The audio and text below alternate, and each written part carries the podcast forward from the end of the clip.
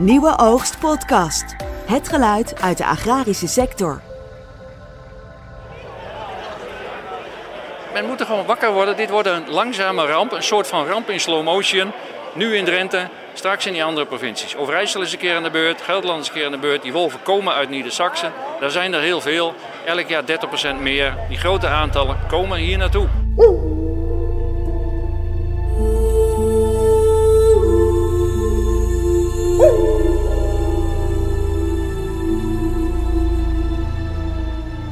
Met het groeiende aantal wolven in ons land groeit ook de onrust bij de veehouders. Vooral in Drenthe en Gelderland vallen vrijwel dagelijks landbouwhuisdieren ten prooi aan de wolf. Wolf is een prachtig dier. En zonder meer. Maar Nederland is er absoluut te klein voor. Onze voor, verre voorouders hebben niet voor niks gezorgd dat de wolf hier weg was. Dus uh, ze pakken hier gewoon veel te veel. Dat, dat kan gewoon niet. Maar ik begin nu wel iets voorzichtig te worden dat ik wel ietsjes meeneem of zo. Dus een uh, beste knuppel. Dat toch iets is. Want met je blote handen doe je tegen zo'n beest ook niks. Wolven beschermen is schapen beschermen en schapen beschermen is wolven beschermen. Hoe we nu verder moeten, um, weet ik ook niet zo goed. En ik vind de wolf ook een heel mooi dier. Maar ik heb heel weinig zin als dierenarts om uh, elke week uh, dieren te mogen euthanaseren als gevolg van een wolfaanval. In maart 2015 werd in Drenthe sinds lange tijd weer een wolf waargenomen. Dit jaar heeft zich in deze provincie een roedel gehuisvest en er worden ook regelmatig zwervende dieren gezien. Tijdens een druk bezochte informatiebijeenkomst op 3 oktober in het Drentse Diever bleek dat voor veel veehouders en bezorgde burgers de maat vol is wat betreft de aanwezigheid van de wolf. Buiten het gemeentehuis protesteerden een aantal veehouders met hun dieren.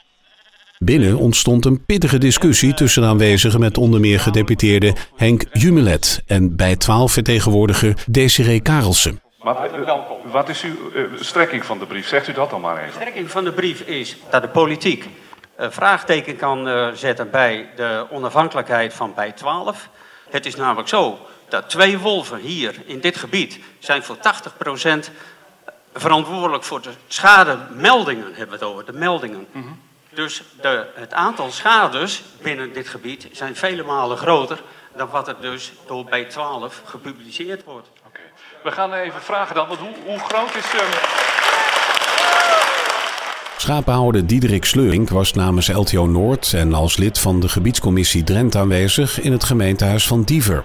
Ik ben zo opgelucht dat eindelijk dit eens een keer gebeurt. Hè? Dat dat die bestuurders wel een keer rechtstreeks tegenover zo'n boze zaal zitten. En dat ging er af en toe heftig aan toe. En er komt ook volop kritiek op de uitvoeringsorganisatie bij 12, waar ik me in het bestuurlijke circuit ook al jaren gigantisch aan erger. Hij zegt eigenlijk, nou, we zijn nog geen geoliede organisatie als het gaat om de schadeafwikkeling. Dan denk ik, nou, het was de afgelopen jaren wel een geoliede organisatie in het promoten van de wolven in Nederland. En dit aan het woord laten van zoveel mogelijk deskundigen die ons in slaap sussen met uh, verhalen over de wolf is schuw. Ga maar iets aan je rasters doen, dan komt het goed. Die wolf zal nooit koeien aanvallen, want die zijn te gevaarlijk voor hem. Nou, in Drenthe zien we gewoon dat het allemaal niet waar is. Er was zelfs iemand die heel stellig ging beweren, nu er welpen zijn, bij dat paardje in het Drents-Friese Wold, hoeven de veehouders minder te vrezen. Want uh, uit de wetenschappelijke literatuur blijkt namelijk dat uh, wolven met welpen, die vallen geen schapen meer aan. Nou, dat is misschien in Slovenië zo. In Drents-Friese Wold is de werkelijkheid een geheel andere. En elke keer worden dat soort verhaaltjes van ecologen hier gewoon door de werkelijkheid van de wolf verpulverd. Pieter van Geel is voorzitter van het landelijk overleg Wolf. Dit overlegorgaan doet onder meer aanbevelingen voor beleidsvorming ten aanzien van de wolf en zet zich in voor het maken van protocollen bij acute problemen. Kijk, die wolf die is hier. En, en dan ga ik nu even geen discussie aan of je er wel of niet verstandig... Die wolf is er. Als je dan dat ziet, dan ga je met elkaar heel nuchter bekijken... zoals wij dat doorgaans in Nederland doen. Van ja, wat moeten we nou doen? Nou, nou heeft de... Dan gaat iedereen die heeft een, een, een, zekere mate van een zorgplicht ook voor zijn eigen vee, om dat te beschermen. En dat mag je ook vragen. Aan de andere kant mag je ook van de overheid vragen, als die wolf komt, dat die, dat die uh, schapenhouders niet alleen voor staan. Dus vandaar dat het eigenlijk vrij logisch is dat je, hoe kunnen wij nou ons, vanuit onze eigen verantwoordelijkheid en met de hulp van de overheid preventieve maatregelen nemen. Nou, en dan zie je dat in de provincies flink wat geld toch beschikbaar is om wolfwerende voorzieningen te maken en daar uh, de hekken te betalen, de, de, de, de elektrische installatie erbij hoort. Veehouders kunnen dus een beroep doen op de subsidiepot om wolfwerende hekken te plaatsen. Maar er zit een grens aan het bedrag per aanvrager. Schapenhouder Margreet Blijker uit Uffelte heeft voor haar bedrijf een berekening gemaakt. Men wil dat wij wolfwerende rasters uh, zetten. En we hebben het globaal eens uitgerekend. Dan ga je uit van mooie vierkante perceeltjes. Uh, hoeveel we daar ongeveer aan kosten uh, aan kwijt zijn. En dan komen we op een bedrag van bijna 47.000 euro. En daar zit niet bij de arbeid die het kost. En zwinters bij de rundveeboeren zijn we flexnetten nodig. En die kosten staan hier ook niet op. Dat hebben we niet berekend. Uh, en bij welk loket moet je zijn voor dit bedrag? Provincie Drenthe die keert maximaal 20.000 euro uh, aan subsidie uit. En de rest is voor ons. Nou ja, ik zou niet weten waar we dan nog van eten moeten. Daar spelen wel een paar problemen. Die hebben vooral te maken met het feit met de grote uh, skuddes. Want die komen boven ook juridische grenzen uit uh, die gesteld worden ook vanuit staatssteunbegrippen. Nou, dat is wat ingewikkeld, maar en die komen eraan. Maar dat is er maar een beperkt aantal en dan moeten we kijken of daar maatwerk voor is. Maar voor doorgaans, ook voor hobbyhouders, ook voor anderen, is er uh, dat geld beschikbaar om die preventieve maatregelen te treffen. Waar nog wel discussie is, is moet je ook loonkosten betalen die daarbij horen. En dat is natuurlijk voor een hobbyhouder niet zo interessant. Maar als het gaat om grotere kuddes waar mensen uh, veel arbeid nodig is, dan zou je dat moeten bekijken. Nou, dat, dat, dit soort gesprekken vinden in het landelijk overleg plaats. Na schapenhouders zijn er in Drenthe ook andere veehouders bezorgd over het groeiende aantal aanvallen van de wolf. Albert Lux is paardenhouder in Diever, een Drents dorpje waar de wolf dit jaar al eens overdag op bezoek kwam. We hebben ons een beetje zorgen gebaard. We gaan volgend jaar het seizoen weer in. Uh, er komen veuletjes. Veuletjes lopen dag en nacht buiten. Die worden daar ook buiten geboren. Ja, dat, dat baart ons een beetje zorgen. We staan hier voor een schuilhok. Uh, we hebben toch al voorzorgsmaatregelen genomen ten aanzien van de wolf. We hadden twee kleine Shetlanders. Onze dochter is de eerste pony, zeg maar. Uh, ja, die maakte zich ook erg zorgen. Dus we hadden ze s'nachts al een paar keer binnen gehad.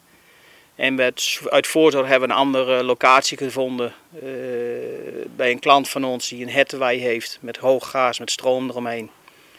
En vandaar hebben ze daarheen geplaatst. Dus uh, uit angst dat ze toch een keer aan de beurt zijn.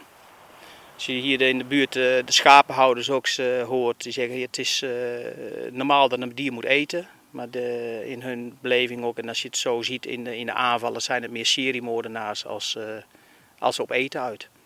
En dat baart iedereen erg zorgen. Tijdens de provinciale bijeenkomst in Diever bleek de angst voor de wolf onder boeren en burgers groot te zijn. Nou, wat de mensen hier in ieder geval heel erg duidelijk maken, dat is, uh, er werd geloof ik letterlijk gezegd van straks zijn de mensen gevangen en loopt de wolf vrij rond. Maar wat ik ook heel ernstig vind als veehouder is dat we samen eigenlijk vaststellen dat we geen goed preventiebeleid nog hebben. En dat dat misschien ook wel bijna niet kan met die wolven hier.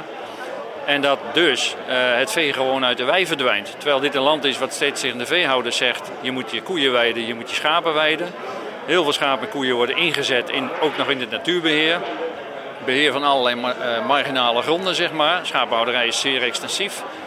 Ja, er is heel veel moeite gedaan om al die koeien zoveel mogelijk weer buiten te krijgen. Dat vergt ook heel veel vakmanschap van de veehouders. En ook de kalfjes en ook de pinken moeten buiten.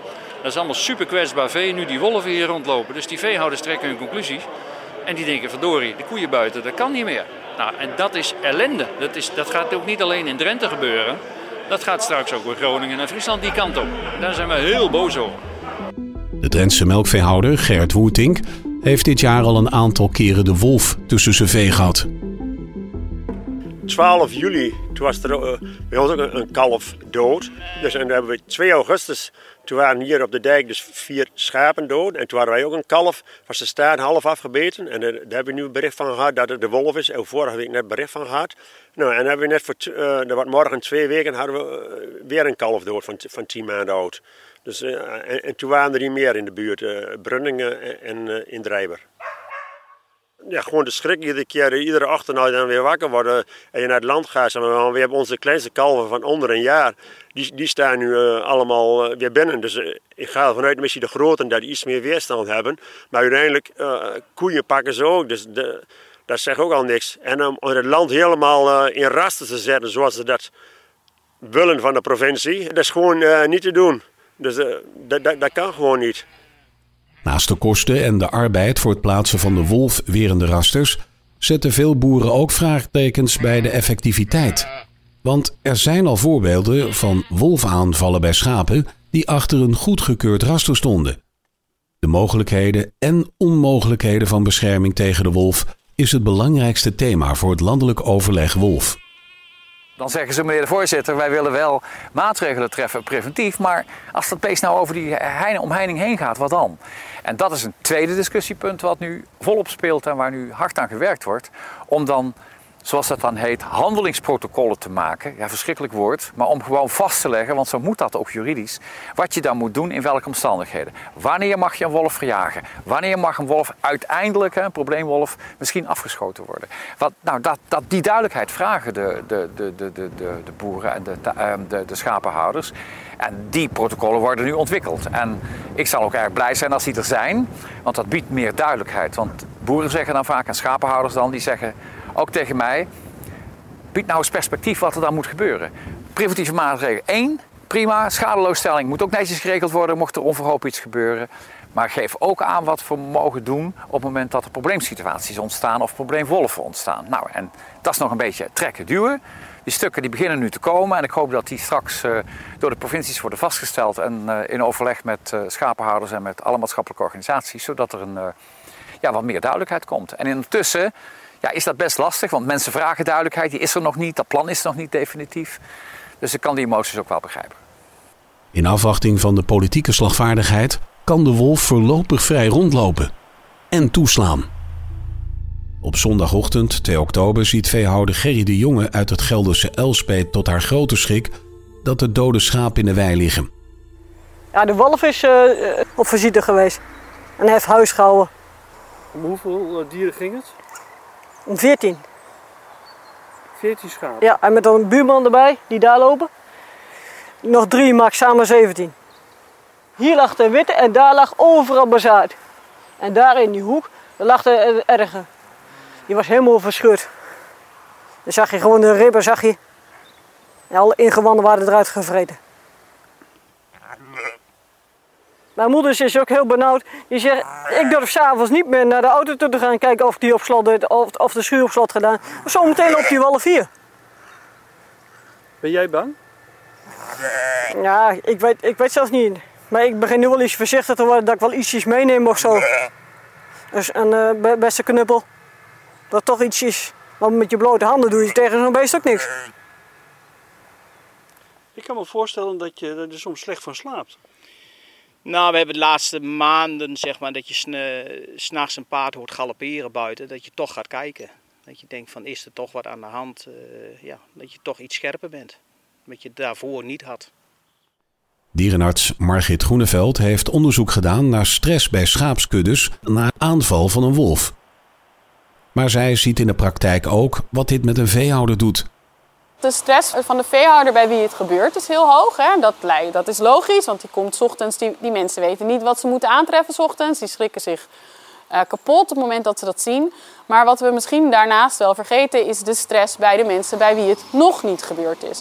Alle veehouders, of het nou koeienboeren uh, of uh, schapenboeren of mensen met paarden, mensen met kippen, zeg het maar. Iedereen hier vraagt zich af, kan ik ze nog wel uh, wat, wat kan ik ze nog wel naar buiten doen? Wat tref ik aan als ik naar buiten kom s ochtends? En heel veel mensen hier halen ze vervolgens naar binnen, s'nachts. En voor een hele hoop diergroepen geldt dat dus dat ze niet meer naar buiten kunnen, omdat ze de weilanden niet naast huis hebben liggen. Dus dan moeten ze vervolgens opeens, terwijl ze normaal gesproken nu nog steeds buiten zouden staan, staan ze nu al op stal voor de winter. Um, en daarmee beperk je ook het welzijn van die dieren weer in omdat zij anders nog gewoon gezellig op de wei hadden gestaan. Laten we nou eens positief denken. Die natuur is er, die beesten zijn er. Laten we nou eens kijken hoe we op een goede manier kunnen, zich elkaar kunnen verhouden. En op sommige plekken moet je ze wegjagen. En op andere plekken geef je ze meer kans om, om, om te doen. Want je kunt ook wolvengebieden wat aantrekkelijk maken. Dat ze daar vooral naartoe gaan. Hè? Dus je kunt Nou, dat hoop ik dat, dat dat de lijn is in, in Nederland. Dat we op zo'n manier naar, naar natuur kijken. Zodat we ons niet als mensen ook vervreemden van de natuur. Maar dat we ook zien dat wij als mensen onderdeel uitmaken van de natuur. En dat het een zekere vorm van hoverdij is als je denkt dat je daar geen onderdeel van uitmaakt en dat je daar maar je, je eigen lijn kunt volgen. Nee, dan straf je je natuur uiteindelijk je wel af. Dus een beetje filosofisch, maar ik vind wel uh, even een persoonlijke tinte mening daarover. Maar ik hoop dat, uh, ondanks dat het volgend jaar verkiezingen zijn, want dat is altijd weer lastig voor provinciale staten, met nieuwe gedeputeerden, dat ze hier wel hoge urgentie aan geven. We hebben die duidelijkheid nodig. We hebben inzet weer op extra preventieve maatregelen nodig. En we hebben het, die protocollen nodig om, om mensen duidelijkheid te geven wat ze wel en niet kunnen en hoe we. En ze te helpen om ook inzichten rondom de wolf en de, en de landbouwhuisdieren om die te vergroten. In Drenthe blijft de situatie voor veel veehouders zorgwekkend. Het aanbrengen van rasters en het op stal zetten van dieren zijn voorlopig de beste manieren om de wolf te weren. Dan denk ik, ja, we zijn nu bezig met een de inperking van het welzijn en van de vrijheid van een hele hoop dieren voor een beperkt aantal wolven. En ehm, daar, zit, daar zit inderdaad een grens aan wat mij betreft. En ik weet, ik weet ook niet zo goed hoe we die moeten stellen. En ik weet ook niet zo goed wanneer die bereikt is. Maar dat, ook als dierenarts heb ik daar, heb ik daar problemen mee. Ja. Wolven beschermen is schapen beschermen en schapen beschermen is wolven beschermen. Dat moet je alle, als je de schapen beschermt, heb je automatisch, wordt die wolf beschermd. En als je, dus dat is een hele verstandige denklijn. Die moeten we toepassen. En dat dat af en toe nog in dit land met ouw gaat, omdat we nog niet helemaal eruit zijn. Ja, dat, dat is een beetje inherent aan, aan, aan dit soort nieuwe dingen die ontstaan. En ook wel complexe dingen, want hele regelgeving, Europese regelgeving en natuurwetten en, en allerlei andere beheerswetten. En uh, dat is best wel ingewikkeld. We gaan nog even weer terug naar de bijeenkomst op 3 oktober in Diever. Ook Harry Oosterman, voorzitter van de Drentse gebiedscommissie Wolf, kreeg vanuit de zaal de nodige vragen en kritische opmerkingen. Oosterman maakte duidelijk dat ook wat hem betreft er een grens bereikt is. Want aan de ene kant hebben jullie. Wacht even, wacht, nee, wacht even. Laat, wacht even, meneer, wacht even, laat even uitpraten. Even, even luisteren. Aan de ene kant hebben jullie in deze streek de directe gevolgen ervan. En aan de andere kant zien, wil je het oplossen, dan ben je een tijd verder. En, dat is het grote dilemma waar we bestuurlijk, maar ook als gebiedscommissie mee zitten. Hoe gaan we hiermee om de komende tijd? Op mijn persoonlijke titel zeg ik, niet als lid van de gebiedscommissie, ik denk dat we op niet al te lange termijn naar een beheerssituatie moeten, waar die wolf net zo beheerd wordt als andere roofdieren. Want anders loopt de finale uit de klauw. Nieuwe Oogst volgt de ontwikkelingen rondom de wolf in Nederland op de voet. Actuele berichtgeving en video's zijn te vinden op www.nieuweoogst.nl.